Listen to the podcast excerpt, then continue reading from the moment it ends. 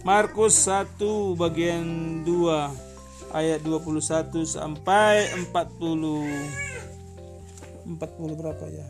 40 4 45 Yesus dalam rumah ibadat di Kapernaum. Dengan bagus-bagus. Eh, dengan bagus-bagus. Yesus di dalam rumah ibadat di Kapernaum. Yesus dan murid-muridnya tiba di Kapernaum pada hari Sabat, Yesus segera masuk ke dalam rumah ibadat dan mengajar. Mereka tajuk mendengar pengajarannya, sebab ia mengajar mereka sebagai orang yang berkuasa, tidak seperti ahli-ahli Taurat. Pada waktu itu di dalam rumah ibadat mereka ada seorang yang kerasukan roh jahat. Orang itu berteriak, "Apa urusannya denganmu, dengan kami, hai Yesus orang Nazaret? Apakah engkau datang untuk membinasakan kami?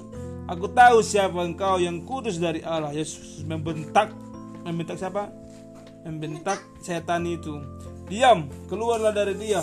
Roh jahat itu mengguncang-guncang orang itu dan sambil menjerit dengan suara nyaring, roh itu keluar dari dia. Mereka semua takjub sehingga mereka memperbincangkannya. Katanya, apa ini? Suatu ajaran baru disertai dengan kuasa. Dia memberi perintah kepada roh-roh jahat dan mereka taat kepadanya. Lalu segera tersebarlah kabar tentang dia di segala penjuru di seluruh Galilea. Yesus menyembuhkan ibu mertua Petrus dan orang-orang lain. Sekeluarnya dari rumah ibadat itu Yesus bersama Yakobus dan Yohanes masuk ke dalam rumah Simon dan Andreas. Ibu mertua Simon terbaring karena demam. Kenapa dia terbaring? Demam. Demam. Ia mendekati mereka segera memberitahunya kepada keadaannya kepada Yesus. Ia mendekat dan sambil memegang tangannya, ia membangunkannya dan demam itu meninggalkannya dan perempuan itu melayani mereka. Menjelang malam sesudah matahari terbenam dibawalah kepada Yesus semua orang yang menderita sakit dan yang kerasukan setan. Jadi yang datang kepada Yesus siapa aja? Setan. Yang kerasukan setan dan orang yang sakit.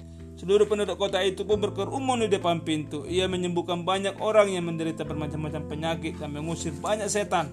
Ia tidak memperbolehkan setan-setan itu berbicara sebab mereka mengenal Yesus. Yesus mengajar di kota-kota lain. Pagi-pagi benar, waktu hari masih gelap, ia bangun dan pergi keluar. Ia pergi ke tempat yang terpencil dan berdoa di sana. Ngapain Yesus? Simon dan kawan-kawannya pun mencari-cari dia. Ketika mereka menemukannya, mereka berkata kepadanya, "Semua orang mencari engkau." Jawabnya, Mari kita pergi ke tempat lain, ke kota-kota sekitar ini, supaya sana juga aku memberitakan Injil, karena untuk itu aku telah datang. Lalu pergilah ia ke seluruh Galilea, memberitakan Injil dalam rumah-rumah ibadat, dan mereka mengusir setan-setan. Yesus menyembuhkan seorang penderita penyakit kulit. Seorang penderita penyakit sakit kulit yang menajiskan datang kepada Yesus dan sambil bersujud di hadapannya. Ia memohon bantuannya katanya, kalau engkau mau, engkau dapat mentahirkan aku. Lalu berteriaklah hatinya, lalu tergeraklah hatinya oleh belas kasihan. Ia mengulurkan tangannya menyentuh orang itu dan berkata kepadanya, aku mau, jadilah tahir.